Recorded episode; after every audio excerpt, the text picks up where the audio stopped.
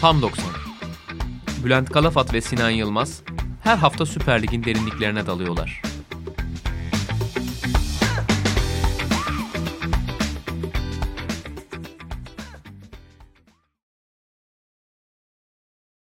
Sokrates Podcast'ten hepinize merhabalar. Tam 90'ın yeni bölümüyle karşınızdayız Sinan Yılmaz'la birlikte. Geçtiğimiz hafta Göztepe dosyasına yer vermiştik. Bu hafta ise geçtiğimiz programın sonunda belirttiğimiz gibi konumuz Adana Demirspor, Vincenzo Montella ve Yunus Akgün. Sinan selam. Selamlar. Ne haber nasılsın? Teşekkür ederim. Sen nasılsın? Eyvallah abi teşekkür ederim. Ben de iyiyim. Adana Demirspor özellikle 14-15. hafta gibi bir çıkış yakalayıp arka arkaya 6 maç kaybetmemişlerdi. 4 galibiyet 2 beraberlik alıp biz bu programı çarşamba çekiyoruz 19 Ocak'ta. Dün akşam Konya ile oynadılar 22. maçlarını ve uzun bir aradan sonra 6 maç aradan sonra mağlup oldular 1-0. Fakat yine de ligin üst sıralarına yakınlar. Adana Demirspor ve Vincenzo Montella'nın ekibi. Aslında şu ana kadar ligin başından bugüne kadarki gidişata şöyle bir baktığımız zaman aslında çok iyi başlamadıkları bir sezon zaten Samet Aybaba vardı. 3 maç sonunda Samet Aybaba gönderildi. Montella Adana Demirspor'daki başlangıcı Karagümrük maçıyla olmuştu 4-0'lık acı bir e, mağlubiyet almıştı o gün. Hatta belki o maçta o maçtan sonra yaptığı bazı değişikliklerin de önemine daha sonra değiniriz. Fakat ilerleyen haftalarla özellikle Balotelli ve etrafında oynayan onun uydusu gibi oynayan Vargas, Yunus, dönem dönem Ason Balonga gibi oyuncuların performans artışı lig ortalamasına göre çok düşük kaliteli bir savunma hattının hücum performansıyla bertaraf edilmesine vesile oldu ve Adana Demirspor üst sıralara kadar yükseldi. Karagümrük maçından sonra birçok futbol yorumcusunun benim de dahil olmak üzere bu takım bu kadar yaptığı harcamalara rağmen hakikaten küme düşebilir diye düşündürdüğü bir maçtı. Çünkü şöyle bir durum vardı. Senin az önce dediğin gibi savunması çok kalitesiz. Kalecisi Ferhat oynuyordu o zaman çok kalitesiz. Ve hücum oyuncuları evet kaliteli ama tam olarak nasıl oynatabileceğini birçoğu belki üst üste oynuyor. Mesela Vargas, Akintola, Balotelli, Hasan Bolonga birbirlerine alternatif vesaire gibi görünüyor. Belhanda çok kötü bir sezon başlangıcı. Tüm bu sebeplerden dolayı ki geçmişte de vardır Süper Lig'de çok yüksek harcamalar yapılmış olmasına rağmen küme düşen takımlar. Bir küme düşme ihtimali bile söz konusuyken Montella sonrasında bu takımın hücum oyuncuları bilhassa Yunus Akgün'ün ona uzun uzun değineceğiz bu bölümde. Yunus Akgün'ün gelişimiyle hem yerli kuralından kurtardı Adana Demirspor'u. Adana Demirspor bu kuraldan en kötü etkilenen takımlardan bir tanesiydi sezon başı itibariyle. Birazdan anlatırız. Hem yerli 3 yerliden bir tanesi olması vesilesiyle ciddi bir kurtarıcı oldu. Hem de hücumdaki e, her geçen hafta yükselttiği performansla Adana Demirspor'u düşmeyi bırak yukarılara kadar taşıdı. Şu an itibariyle belki de sezon sonuna kadar ilk 4 ilk 5 hedefleyen bir Adana Demirspor göreceğiz. Doğru ve bunu inşa eden bunun oluşmasını sağlayan isim de kuşkusuz dördüncü hafta takımı devralan teknik direktör Vincenzo Montella. Vincenzo Montella tabii oyuncu olarak da özellikle benim neslimden insanların yani 80'lerde doğmuş insanların yakından tanıdığı bir isim. Futbolculuğuyla da tanıyorduk. Futbolculuk kariyerine Empoli ve Genoa ile alt liglerde başladıktan sonra sanırım 96-97 sezonuydu. Eriksson'un, Sven Goran Eriksson'un son sezonunda Mihailovic'li, Mancini'li, Veron'lu bir Sampdoria'ya geldi. Ve burada 3 sezon kaldı. Bu oyuncular yavaş yavaş ayrıldı. Zaten ciddi yaş farkı da var bazılarıyla Montella arasında. Fakat Montella bu Sampdoria'da 3 sezon kaldı. Hep 20 ve 20 üstü sayıda goller attı. Sanırım son sezonu bir istisna. Fakat kendini kanıtladıktan sonra 2000'de Roma'ya 25 milyon euroya tekabül eden bir bedelle satıldı. Bu arada o zamanlar için yani 1999-2000 sezonu için 25 milyon euro çok çok yüksek bir transfer bedeli. Şimdinin 100 milyon euro plus. Gibi misal şöyle mesela kıyaslama yapabiliriz. 1999 yılında Christian Vieri Lazio'dan Inter'e 32 milyon sterlin gibi bir bedelle transfer olduğu zaman o zamanın rekoruydu bu. Evet. Montella'nın transfer olduğu yazda mesela Hernan Crespo'nun Parma'ya gidişi var. O da yeni yeni bir rekor kurmuştu 35,5 bandına falan göre. Wikipedia'da var bunlar. Hı hı. Yani bu, bu rakamları yanına koyduğunuz zaman 25 milyon euro son derece ciddi bir rakam ve e, popüler de bir oyuncuydu Montella. İşte attığı gollerden sonra yaptığı uçak sevinci falan vardı. Hatta FIFA 2000'in İtalyan versiyonun kapağında da Montella varmış. Bu bilgiye rastladım bir yerde. Roma'da 9 sezon kalıyor. 101 golü var. Birer tane lig, kupa ve süper kupa kazanıyor İtalya'da. Hatta işte o 2000-2001'deki meşhur Roma şampiyonluğu ki son şampiyonlukları bu şampiyonluğu getiren forvet hattının bir parçasıydı ki olağanüstü bir forvet hattı gerçekten. Totti Batistuta, Del Vecchio ve Montella bu dörtlüden genellikle üçü oynuyordu. Totti Batistuta oynuyordu da Del Vecchio ile Montella'dan bir tanesi oynuyordu genellikle. O da ağırlıklı olarak Del Vecchio oluyordu aslında ama Montella önemli bir parçaydı o takımda. 2004-2005'ten sonra düzenli olarak forma giyememeye başladı. İşte kısa bir İngiltere macerası var. Bir yarım sezon verimsiz geçen sonra geri dönüyor. Bir iki kiralık dönem daha geçirdikten sonra 2009'da Roma'da futbolu bırakıyor. Ve halen de Roma tarihinin en çok gol atan 7. futbolcusu. 100 golü geçen sayılı sayıda futbolcudan bir tanesi. Oyunculuğuyla damga vurmayı başarmış bir isimdi Vincenzo Montella. 2001 Roma şampiyonluğunda sonradan giren genelde Del Vecchio'dan sonra giren ve attığı sonradan girip attığı gollerle şampiyonlukta büyük rol oynayan bir figür kendisi. Hatta Ahmet Aslan'ın Beşiktaş şampiyonluğunda da tam böyle bir rolü vardı. Ahmet Aslan da sürekli girerdi 2002-2003. Bu da 2002-2001 yakın dönem.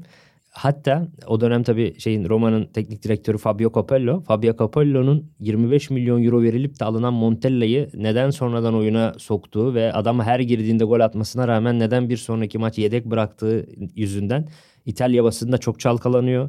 Nasıl oynatmazsın böyle bir adamı diye Montella ile Capello da birbirlerine giriyorlar. Ama Del Vecchio'da şöyle ya Montella çok iyi bir bitirici. Tam böyle hani klas İtalyan golcüleri gibi Roberto Mancini gibi mesela o da öyle bir golcü.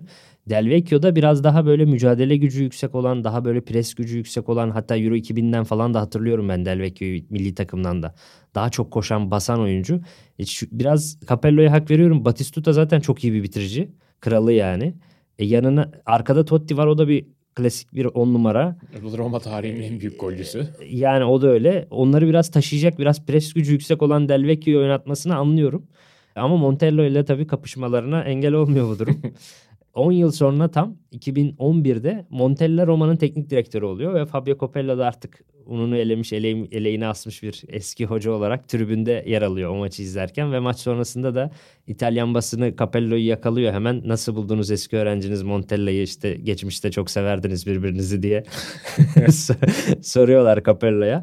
Capello da esprili bir şekilde Montella'yı santrforuna savunma yapması için uyarırken görmek çok gülümsetti beni diyor. Teknik direktör olduğunda beni anlamıştır diyor. O da güzel bir anekdot açıkçası. Evet bu bu vesileyle teknik direktörlük kariyerine de bir adım atmış olduk.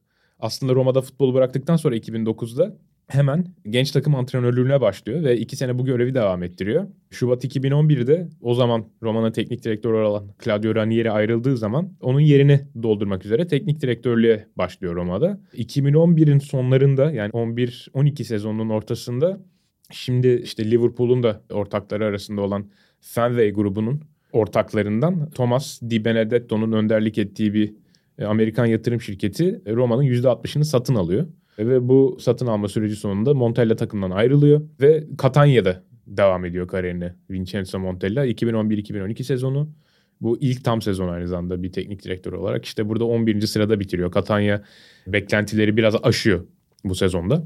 Ve Montella öne çıkan bir teknik direktör olarak ismini duyurmaya başlıyor aslında Catania'daki sezonun sonunda. Fiorentina'ya geçiyor. 12-13 sezonunda dördüncü oluyorlar. Şampiyonlar Ligi'ni bir sırayla kaçırıyorlar. O sırada İtalya'dan Şampiyonlar Ligi'ne gitmek için doğrudan gitmek için ilk ikiye eleme oynayarak gitmek için de üçüncü sırada bitirmeniz gerekiyor ligi. 2013-2014'te tekrar dördüncülük ve bir İt- İtalya Kupası finali görüyor. 14-15'te Tottenham, Roma ve Kiev'i eleyip Avrupa Ligi'nde yarı finale çıkıyorlar. Şampiyon olan Sevilla'ya eleniyorlar. Ligde de yine dördüncü oluyorlar. Aslında Fiorentina'yı devraldığı zaman Montella, Fiorentina ligi 10, 11, 12, 13 bu sıralarda bitiren bir takım. Böyle bir takımı alıp bir ilk dört takımı yapıyor. Bu önemli. Fakat 3. sezonun sonunda Fiorentina yolları ayırmaya karar veriyor Montella ile. 15-16 sezonun ilk yarısının sonlarında Sampdoria'yı devralıyor. Sezon sonuna kadar idare ediyor ama 10. sırada aldığı takım 15. sıraya kadar geriletiyor. Çok iyi bir performansı yok. Ve belki de kariyerinin daha sonraki en büyük işi olan 16-17 sezonunda Milan teknik direktörlüğü başlıyor. Aslında Milan 2011'den beri e, kupa alamayan bir takım. Montella devraldığı zaman onlara bir süper kupa kazandırıyor. Fena iş çıkarmıyor bakımdan. Onu kazanmasının sebebi de aslında bir önceki sezon kupayı alması değil. Yani bir tereddüte düşenler olabilir. Nasıl o zaman Süper Kupa finali oynuyor diye. Bir önceki sezon tabii işte o Juventus'un İtalya'yı silip süpürdüğü dönemin tam ortası. Bir önceki sezon Juventus hem ligi hem kupayı alıyor ama kupadaki finalde rakibi Milan olduğu için Milan e, Süper Kupa finalinde oynuyor. Tıpkı bu sezonki Antalya Spor ve Beşiktaş gibi. Ligi 6. sırada bitiriyor Milan. Ama sezon sonunda sözleşmesi uzatılıyor Montella'nın. İlk başta 3 yıllık bir kontratı var. Bu uzatılıyor 4 yıla. Fakat büyük bir hüsran oluyor Milan'daki ikinci sezonu. O sezonda Milan'ın çok ciddi bir transfer harcaması yaptığı bir yaz. İşte Bonucci, Andre Silva, Hakan Çalhanoğlu gibi oyuncular transfer ediliyor. Bunlar için 200 milyon euro transfer harcaması yapılıyor. Frankesiye de var galiba. Doğru. Frankesiye de var bu oyuncular arasında. 2017-2018'deki ilk 14 lig maçını sadece 6'sını kazanınca Kasım sonunda kovuluyor. Yani sözleşmesi uzatıldıktan yaklaşık bir 5-6 ay sonra Milan'dan ayrıldı Montella. Ki o Milan'ın zaten herhalde bugünlere kadar varan o finansal yıpranmasının en önemli parçalarından bir tanesi de bu o yazda yapılan transferler ve bunların neredeyse hiçbirinin Hakan Çalhanoğlu dışında belki de kalıcı olamaması. Bir de Kesiye'yi sayabiliriz. Aralık 2017'de Sevilla'yı devralıyor. Şampiyonlar Ligi'nde son 16 turunda Manchester United'ı eliyorlar. Sevilla tarihinin ilk Şampiyonlar Ligi çeyrek finaline ulaşıyorlar bu sayede. Bu da önemli bir başarı. İspanya Kupası finaline çıkıyorlar. Barcelona'ya 5-0 yenilseler de kupa finali görüyorlar. Ama gene ligde işlerin iyi gitmediği bir dönemden sonra kovuluyor gene. 9 maç üst üste kazanamadığı bir dönem oluyor Sevilla'nın. Yaklaşık bir yıl geçiyor o aradan ve Pioli'yi kovan Fiorentina'ya geliyor. Yeni sezonda ilk yarısının sonlarında Roma'ya karşı 4-1 bir mağlubiyet aldıktan sonra kovuluyor ve teknik direktörlüğe yaklaşık 1,5 yıl ara veriyor. Ve bu aranın sonunda da kendisini mevcut sezonun 3. haftasında kovulan Samet Aybaba yerine Adana Demirspor'a getirilirken görüyoruz. Bu ara aslında onun için çok iyi olmuş. Yani Fiorentina'da çok iyi işler başarmasına e, rağmen sonraki 3-4 senede Milan'da da hadi kupa kazanıyor. Ama Milan'dan sonraki dönemde falan ciddi bir düşüş yaşamasına rağmen işte bir buçuk yıllık falan ara artık Serie A takımları arasında düşünülmeyen bir hoca. Sanki burada kendisini bir buçuk yılda yeniden motive etmek için, yenilemek için güzel bir zaman bulmuş gibi ve Adana Demirspor'a da hakikaten hani nasıl geleceği biraz böyle fazlasıyla kapalı kutuydu. Hı hı. Ve Adana Demirspor'a da iştahlı bir Montella olarak geldi hakikaten. Birçok deneme yaptı. Birazdan bahsederiz.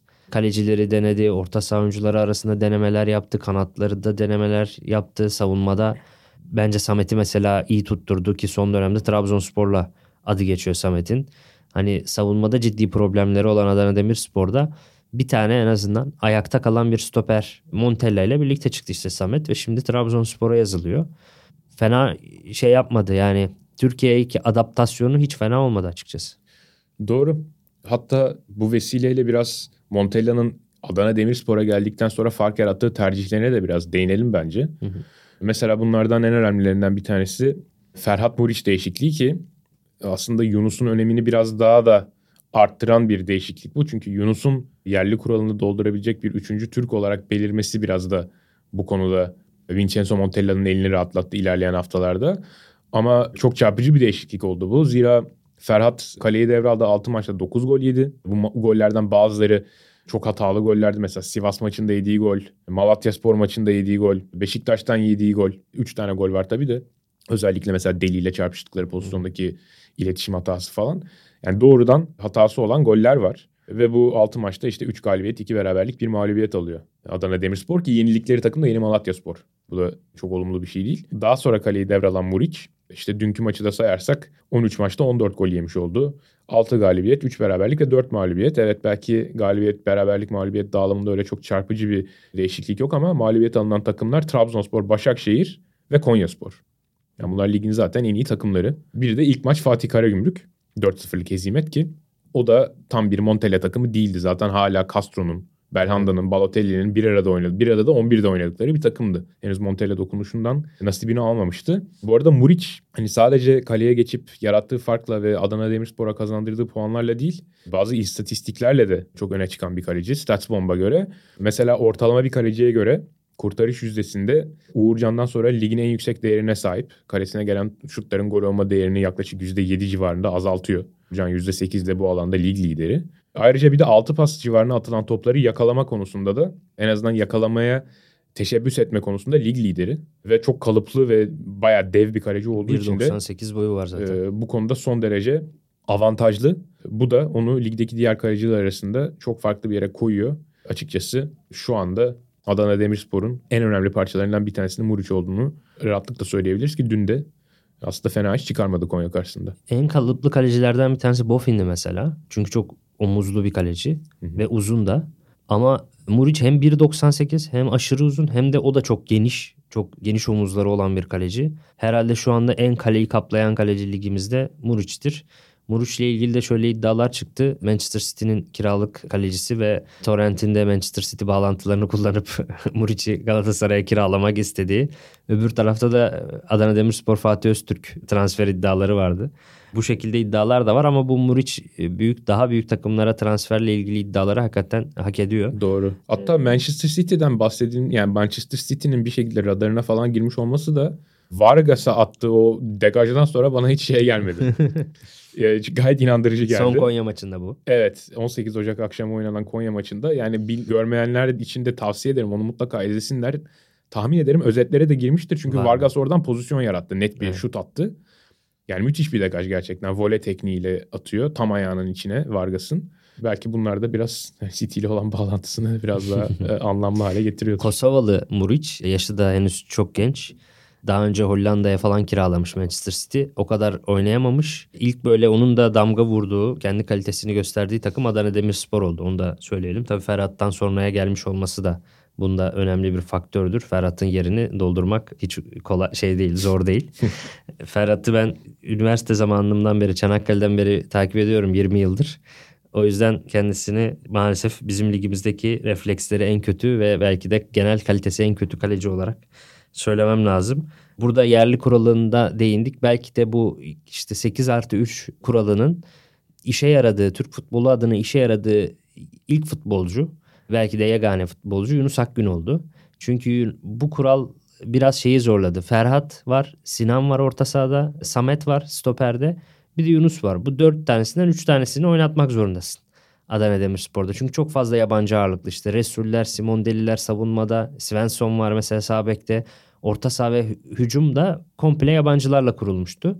Buradan bir tercih yapmak zorundaydı. Başlangıçta Akintola ve Vargas'ı kanatlarda kullanıyordu. İşte Castro, Balotelli, Bjarnason gibi oyuncular orta sahada kullanıyordu. İleride de Balotelli, Hasan Bolonga'dan bir tanesini kullanıyordu. Hatta Eze Yunus'un Eze önündeydi de vardı. kanat rotasyonunda.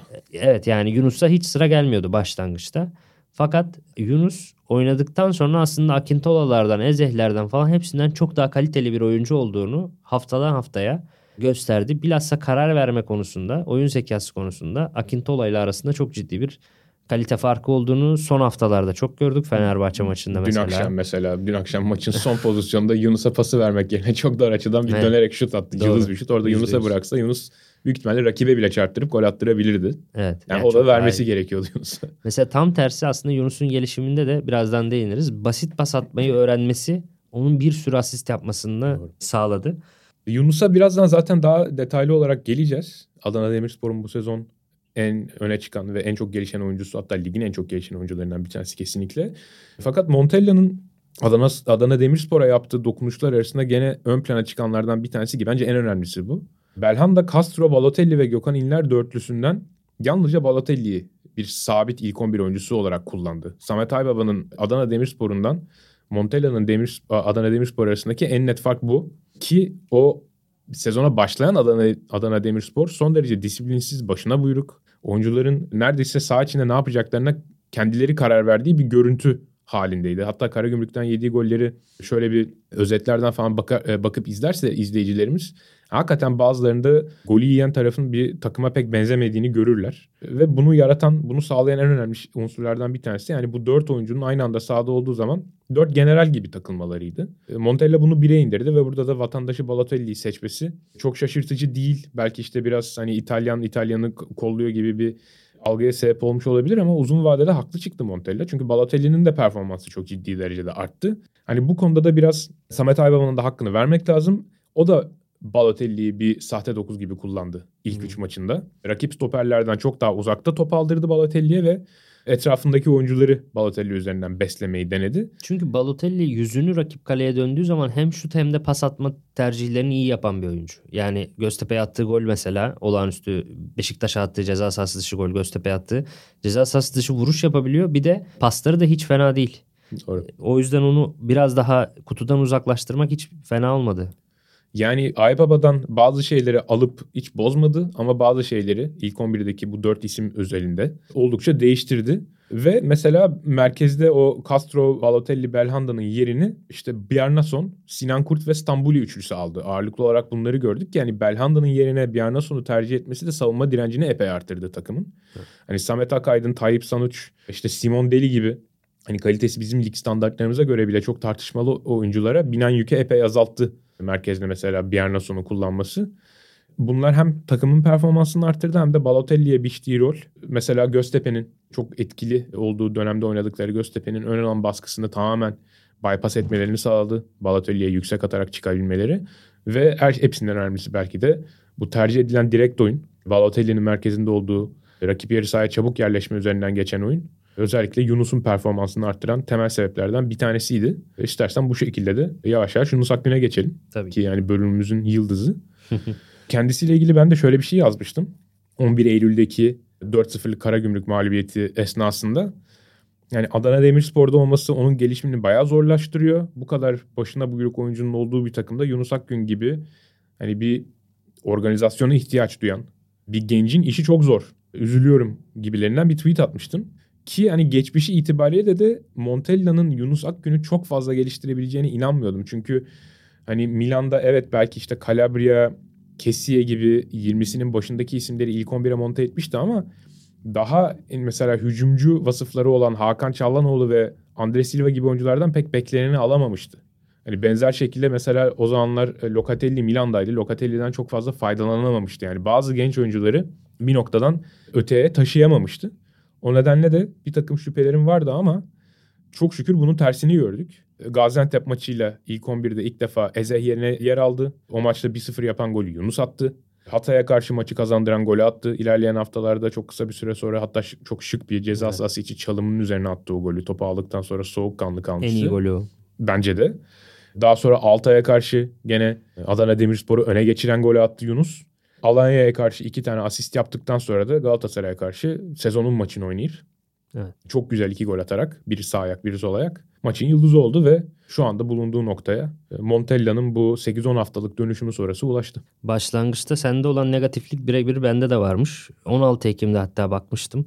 E, Yeni Malatya mağlubiyeti sırasında bir tweet atmışım ben de. Yunus'un yeterince hızlı olamadığını ve geniş alanlarda vurup gidemediğini, çalım attığı oyuncunun 5 metre sonra tekrar karşısına çıktığını ve bir kör dövüşüne bunun dönüştüğünü yazmışım. Artık bu hızını geliştirmesi gerektiğini, fiziksel olarak daha da gelişmesi gerektiğini, çok fazla dar alanda ezildiğini yazmışım. Ondan sonra da ard arda oynamak gerçekten bir genç oyuncu için en en en önemli şey ve en büyük şans ard arda oynamak. Ard arda oynadıkça da fizik kalitesi çok net gelişti. Hem daha böyle yere sağlam basan bir oyuncu oldu hem daha dayanıklı bir oyuncu, daha hızlı bir oyuncu oldu. Basıp gidebilen evet, Kanada Artık vurup gidebiliyor. Eskiden mesela çalımı atıyordu 5 metre sonra gene önüne çıkıyorlardı evet. ama artık vurup gidebiliyor. Vurup gidebildiği de mesela Galatasaray maçında bilhassa Ömer'e ve Markao'ya karşı direkt bunları vurdu gitti mesela 20 metre 30 metre attığı ilk golde Ömer'i geride bıraktı. 30 metrelik falan bir koşu var artık böyle 20-30 metreleri görebiliyor topla birlikte. Bunu en son U19'larda yapıyordu işte. U19'dan A takım seviyesine bu becerileri çıkarmak çok zor. Çünkü arada çok büyük kalite fark var U19'da Süper Lig arasında. Birinci lig arasında bile çok var. Artık bu seviyeye de bu özelliklerini çıkarması çok değerli. Hatta Fenerbahçe maçının başlarında ya 4. dakikada ya da 10, 10 ile 20. dakikalar arası bir şeydi. O pozisyonda kendi korner direğinin oradan topu alıyor Bülent. İçeriye veriyor Verkaç. Tekrar alıyor. 30. metreler civarı o çalımı herkes hatırlar. Hem Novak hem Mert Hakan sıkıştırıyor. Tabii. İkisine de merkeze doğru dönecekmiş gibi yapıp çizgiden vurup gidiyor. Onları geçtikten sonra bir orta sahaya kadar geliyor. Bu sefer Belhanda ile bir Sosa geliyor çünkü bu sefer basmaya. Sosa'nın bacak arasının yanından hemen Belhanda'ya çıkarıyor. Belhanda yine tekte Yunus'a veriyor. Sonra Belhanda tekrar sıfıra doğru koşu yapıyor. Yunus da hiç bekletmeden Belhanda'yı sıfıra indiriyor. Belhanda'nın çıkardığı arka direğe kestiği ortaya da Vargas gelişine e, güzel vuruyor. Gelişine Berke güzel vuruyor. Kurtarıyor. Berke kurtarıyor pozisyonu. O pozisyondaki Yunus Akgün işte 5 metreden fazla gidemeyen 10 metreden fazla gidemeyen Yunus Akgün 100 metrelik hücum yapıyor. Doğru. Kendi korner direğinden rakip korner direğine kadar etkileyici bir ataktı. Biraz Süper Lig'deki gollerine bakarsak Gaziantep golüne sen değindin. Bir topsuz koşu. Normalde topsuz oyun genç oyuncuların en geç öğrendiği şeylerden bir tanesi. Orada back savunma arkasına bir koşu atıyor. ve kalecinin üzerinden aşırtma golü atıyor. Daha sonra bir Başakşehir maçı var.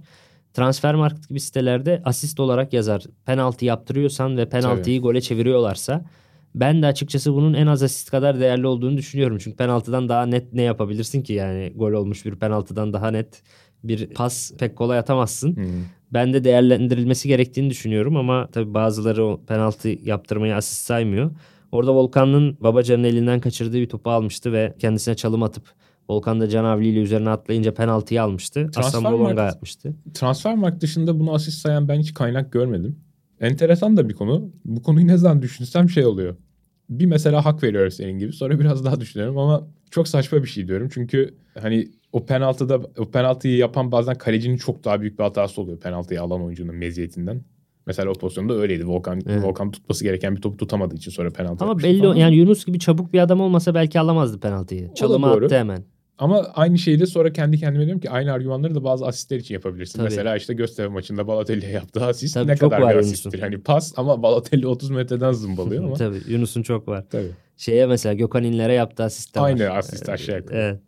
Bu performanslardan sonra Ümit milli takıma çağrılıyor. Bu da bence Yunus için çok değerli. Çünkü Ümit milli takıma bir 2019'da çağrılmış. Sadece bir maç oynamış Ümit milli takımda. Halbuki Yunus Akgün hani son 5-10 yılda hatta işte U17'de Avrupa Şampiyonası'nda yarı final oynayan Ümit milli U17 milli takımda yıldızlardan bir tanesiydi. Hep bilinen bir oyuncu ama hiç Ümit milli olamamıştı. Yaşta 21 oldu artık. Nihayet bu sezonun işte bu performansından sonra Ümit milli takıma da çağrılıyor ve 3 maç daha oynuyor o arada. Ümit milli maç sayısını da 4'e çıkarıyor. O da iyi oluyor. Ümit milli takımdan döndükten sonra da Hatay maçı direkt 1-0'lık maçta galibiyeti getiren golü atıyor. Hiç de kolay bir pozisyon değil.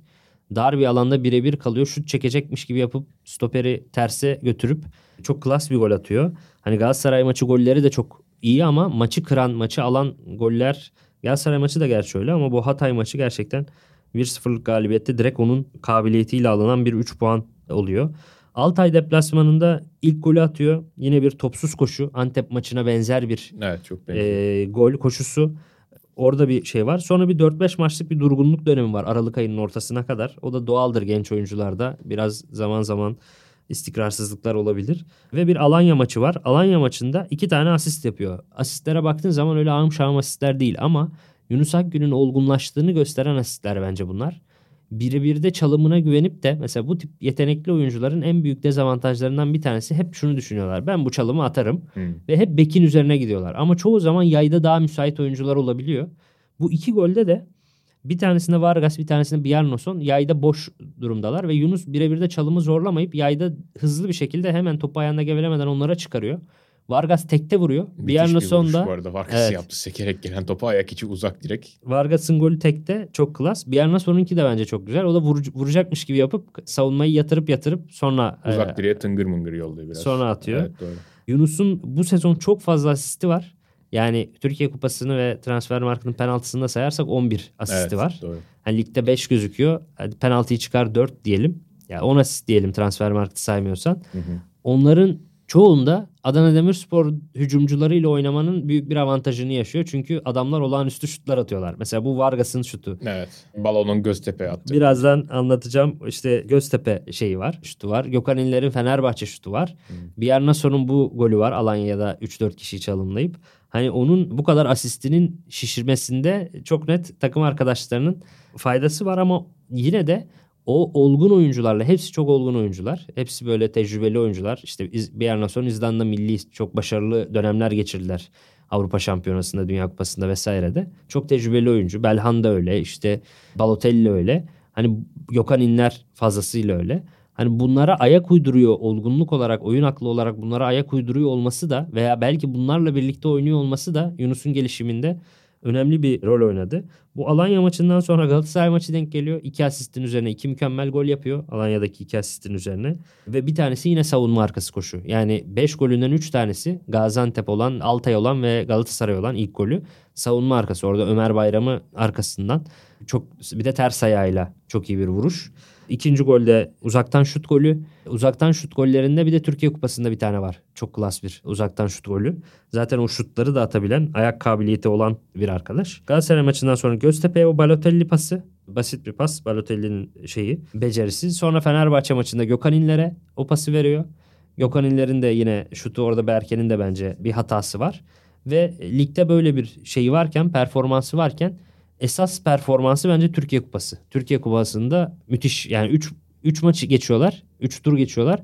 Üçünde de Yunus Akgün şov yapıyor yani. Evet işi kupada işi Yunus Akgün götürüyor hakikaten. Bu arada senin Gökhan İnler'le ilgili söylediklerini dinlerken aklıma şu geldi. Gökhan İnler hatırlarsan 16-17 sezonda şampiyon olan Beşiktaş'a gelmişti bir Evet. takviye olarak. Takımı hiç ileri götüremediği gibi ilk 11'de de hiç girememişti yani. Evet. Şenol Güneş onu hiç planlarına dahil etmemişti. Hatta Başakşehir'e yollandı daha sonra. Başakşehir'de de çok kötü maçlar çıkardı. Hatta doğrudan yaptığı hatalarla puan kayıplarına sebep oldu falan. Yani o Gökhan İnler'in 3-4 sene sonra Adana Demirspor'da bugünkü Gökhan İnler'e dönüşmüş olması da aslında Montella'ya çok net bir artı yazar diye düşünüyorum. Doğru. Türkiye Kupası'na gelecek olursak Yunus Akgün'ün Türkiye Kupası'nda bir gol 6 asisti var. Ki bu asistlerin hiçbiri hani işte o penaltı almak gibi tartışmalı bir asist değil ya da yanına pas veriyorsun adam 30 metreden yapıştırıyor falan gibi asistler değil. Çok net asistler.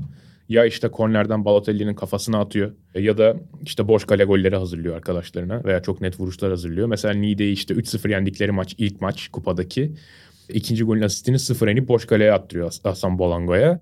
O golde tabii ligimizdeki kalecilerde çok gördüğümüz bir eksiği görüyoruz. Niğde kalecisi Mertcan Dağlı da o eksiği gösteriyor. Nedir o? İşte altı pasın içinden geçen yan topların kaleciler tarafından toplanmaması, kesilememesi. Kalecilerin o topları seyretmeye başlaması. Hatta son dönem Galatasaray'da Muslera bile bunları yapıyordu ama İsmail Çipe'nin işte şeyden yediği Hatay maçında yediği ikinci gol. misal. Üzerinden geçti top dıngır mıngır. O topu alması gerekiyordu. Bu toplarda biraz eksik kalıyor kalecilerimiz maalesef. Fakat ikinci turda tekrar rakibi darmadağın eden bir Yunus var. 5-0 kazanıyor. Serik Belediyespor'a karşı e, Adana Demirspor. Bir gol iki asist yapıyor Yunus zaten ilk devrede. İşi bitiriyor sonra da çıkıyor. 25 dakikada 3 gol. Hepsinde Yunus var zaten. Doğru. İşte birinci golde korneri iyi kullanıyor Balotelli'ye. Balotelli uzak direğe atıyor. 1-0 oluyor. İkinci golde bu kez Balotelli kendisini savunma arkasına kaçırıyor. Yunus arkasından gelen yüksek topa çok net bir uzaktan çok net bir vole vuruşuyla yakın direğe asıyor topu. Müthiş bir vuruş. Klas bir gol. Üçüncü golde yine savunma arkasına sarkıyor. Bu sefer de bir yana sonra boş kale golü attırıyor. Dediğin gibi 25 dakikada skor 3-0. Çok dertsiz tasasız bir şekilde turu geçiyor. Adana Topsuz Demirspor. oyunu çok geliştirdiğini buradaki iki gol yani. Ligde de Kesinlikle. 5 golünden 3 tanesi savunma arkası. Buradaki mesela bir gol bir asisti de bir yerden sonra boş kaleye attırdığı da yine savunma arkası koşusu. Bunların hepsi topsuz oyunu geliştirme işleri. Sonraki turda da bir Ankara spor maçı var. O da çok acayip bir maç. 3-2 yeniyorlar ama yani 2-2 iken iki tane de Ankara spor %100'lük kaçırıyor. Çok da zor geçiyorlar turu yani. Orada da 3 golün asisti de Yunus'tan geliyor. İlk gol orta sahadan topu alıyor. Merkezden Castro'ya oynuyor. Castro topun üzerinden atlayınca direkt Akintola'ya geliyor. Bur- burada çok bir şey yok. Orada Ee, çok bir şey olmadığı gibi aslında orada topa ya- savunma oyuncusuna çok minik bir şey var. Temas var. offside mı alıyorsun? Yo offside değil. Bazen bizim ligde mesela Atiba'nın böyle yaptığı bir asistin sayılmadığını hatırlıyorum ben. Çok minik bir temas oluyor Hmm. savunmacıya diye. Hani tem- e, asist olması için pasın galiba kemiksiz geçmesi Hmm. gerekiyor. Anladım. Yani bazı şeylere Bazen göre, veri, veri toplayıcılara göre. Hani bunu yazmışlar. Belki kupa maçı diye şey yapmışlar falan ama. Yunus şanslı bu asist konusunda bu e, sezon. Evet. Gene de e, verdiği pas çok Bu da tabii. yani merkeze Castro'ya atıyor. Kötü bir pas değil de Tabii, Castro tabii. orada aslında asisti dokunmayarak Castro'ya. Yarısını yani. asisti Arkasından Castro'ya gelen yazmak lazım. arkasından gelen Akintola'nın karşı karşıya kalmasını sağlıyor yani. Doğru. İkinci gol 2-1 öne geçiriyorlar. Orada Yunus'un böyle şey var. Maç 2-1 iken Sinan'a verdiği bir pas var. Sinan'ın topu direkten dönüyor. Sonra kendisi de vuruyor. Kaleci çıkarıyor. Yine bir kornerden asist yapıyor. 2-1 mağlup duruma geçiyorlar. Ankara tekrar öne geçiyor. E yine bir korner asisti bir önceki turda olduğu gibi Balotelli'ye yaptığı gibi bu sefer stoper Samet'e yapıyor. Samet kafa vuruşuyla 2-2 yapıyor. 2-2'den sonra işte Ankara Spor dediğim gibi çok goller kaçırıyor. Ve son dakikalarda 89'da Yunus yine penaltı noktasına doğru merkeze doğru çıkarıyor topu ve Metehan Mimeroğlu'nun golüyle 89'da Adana Demirspor 3-2 yapıp eliyor. İşte toplamda bu sezon yarım devrede 6 gol 10 asist çok yüksek bir sayı. Kerem Aktürkoğlu'ndan bile fazla aslında baktığın zaman. Kerem'in tabii ki ağırlığı çok fazla ama Yunus'ta şey olmuş işte yani verdiği düz pasları 30 metreden zang diye yerleştirmiş adamlar. o yüzden Yunus da bundan çok nemalanmış ama yine de bilhassa topsuz oyunu geliştirmesi, Evet. basit oynamasını geliştirmesi, top kayıplarını azaltması, ayağında top geveleyip de işte o şey mesela Volkan Şenler çok yapardı. İşte sizde Serdar Özkan vardı. Bayılırdı böyle çalım atmaya. O sürekli bekin üzerine gidip de top kaybeden yetenekliyim deyip de takıma zarar veren kanat oyuncusu rolünden kurtulmuş bir Yunus Akgün var. Hatay maçını direkt alıyor mesela. Galatasaray maçını direkt alıyor. Fenerbahçe maçında bence çok iyi işler yapıyor. Bence çok ciddi bir gelişim içerisinde. Takım arkadaşları da onu yükseltmiş. Asistlerine asist katmış. Umarız bu şekilde devam eder. Mesela sen Yunus'un bu becerilerinden bahsederken benim de aklıma Şapi Süleymanov geldi. O da ilk bölümümüzde bu yeni formata geçtiğimiz Doğru. ilk bölümde konu ettiğimiz Giresunspor'un bu sezon yükselen değerlerinden. Mesela Şapi Süleymanov'la Yunus Akgün arasındaki en net farklardan bir tanesi bu. Doğru. Süleymanov belki Yunus'tan çok daha iyi bir driplingçi ama skor katkısı Yunus'unkinin yarısı kadar bile yoktur. Büyük ihtimalle çünkü topsuz oyunu yok. Asistlerin az olma nedenlerinden bir tanesi de işte Balotelli'lerin, Vargas'ların işte şeylerin olmaması da biraz. Bade ve Dukara yapınca ve evet. Diabate, sevgili Diabate. Çok da kaçırıyorlar. Doğru. Şimdi Montella'nın Adana Demirspor'unda bence de yani Yunus'un topsuz oyunu inanılmaz bir gelişim kat etti. Net pozisyona girmekte zorlanmayan bir oyuncuya dönüştü Yunus. Aslında işte çalım ve final pası gibi konularda ben hala ciddi eksiklerinin olduğunu görüyorum. Ciddi eksik demeyelim de kat edecek daha çok yolu olduğunu görüyorum. Buna rağmen skora en çok katkı yapan 10 kanat oyuncusundan bir tanesi şu anda ligde. 900 dakika oynamış bütün kanatlar arasında. Ve yani topsuz oyununu geliştirmesi bunu doğrudan yaratan faktörlerden bir tanesi. Ve bu sayede şutlarının çoğunun 18 içinden ve merkeze yakın noktalardan geldiğini görüyoruz. Yani Yunus Akgün'ün bir kanat oyuncusu için çok iyi bir şut, şut haritası var. Ve şut başına gol beklentisi en yüksek 6. kanat oyuncusu. Yani 0.15 gibi bir şut başına gol beklentisi var. Bu zaten mevkisinden bağımsız olarak bir oyuncu için gayet iyi. Vasat bir şuttan %50 daha kaliteli şut girişimlerinde bulunuyorsun demek. Ve bunda zaten attığı goller az önce senin de detaylı bir şekilde anlattığın goller üzerinden sahada tezahür ettiğini görebiliyoruz. Belki Yunus henüz işte Galatasaray gibi topa Adana Demirspor'a göre çok daha fazla sahip olan bir takımda oynamak için sette kendisinden evet. beklenenleri yapmak için hala hazır olmayabilir. Ama kesinlikle çok büyük bir gelişim gösterdi. Belki de bunlardan en önemlisi yani skoru, asisti, golleri falan bir kenara koyup bir takımın ilk 11'inde düzenli olarak kendisine rol biçilen, takımların hücumlarında önemli bir rolü olan bir oyuncuya dönüşmesi bile başta başına bir Montella katkısı bence. Onun üzerine zaten yeteneği olan ve kendisine iyi bakıp fiziğini geliştiren oyuncular zaten bir şekilde skor katkısı vermeye başlıyorlar. Ama her şeyden önce sürekli oynayan ve sorumluluk alan bir oyuncuya dönüşmesi, bir organizasyonun parçası olmayı öğrenmesi bunlar çok önemli. İşte kariyerinin geri kalanında yarın öbür gün bir gün Galatasaray'a geri dönerse geliştirmesi gereken konulardan bir tanesi tabii ki set hücumları olacak dar alan organizasyonları, doğru alanlara hareketlenmeler, geniş alanda bunu yapabiliyorsun. Bakalım dar alanda o zamanlamaları yapabilecek misin? Bunlar oyuncunun kariyerinin e, devamında e, merakla beklenen konular. E, bu şekilde de Adana Demirspor bölümümüzü toparlayabiliriz. Kendileri son derece başarılı bir sezon çıkarıyorlar. Senin de benim de ciddi soru işaretlerimizin olduğu bir başlangıca rağmen sonra gayet iyi bir noktaya geldiler. Bakalım bunu ne kadar devam ettirebilecekler veya geliştirebilecekler mi? Biz önümüzdeki bölümümüzde tekrar karşınızda olacağız ve o bölümde Sivasspor'u ele alacağız. Sivasspor, Rıza Çalınbay ve Kerem Atakan Keskin önümüzdeki bölümün konuları olacak. Konu edebileceğimiz pek çok takım var. Düşündüğümüz şu anda ajandamızda olan fakat malum bir transfer döneminin de ortasında olduğumuz için bu takımların bazıları ciddi değişimler içindeler. Sivasspor onlardan bir tanesi değil. Hani şu anda onlara dair söyleyebileceğimiz tek önemli değişim belki işte Faysal Fajr'la Gradel'in Afrika Uluslar Kupası'nda yer alıyor olmaları. Ama onun dışında hem oyun olarak hem de tercih edilen oyuncular olarak çok beklenmedik bir şey yok Sivasspor'da. O yüzden onları ele almak için iyi bir zaman. Kerem Atakan da iştahlandırıyor. Doğru. Hakkında konuşmak adına. Doğru. Hatta işte bu eksikler falan derken şimdi işte Özkan Yiğiter gibi başka evet. bir oyuncu da Rıza Çalınbay tarafından orta sahaya dahil edildi. Ona da biraz değiniriz. Hem işte ikimizin de Sivas maçında biraz eksiği var. Sivas'ımız biraz zayıf. O programı hazırlarken biraz Sivas eksiğimizi de gidermiş oluruz. Ve bu şekilde haftaya Sivaspor dosyasıyla karşınızda olacağız. Ağzına sağlık Sinan. Sağ ol senin de. Sizlere de dinlediğiniz için çok teşekkür ederiz. Önümüzdeki bölümümüzde tekrar görüşmek üzere. Hoşçakalın.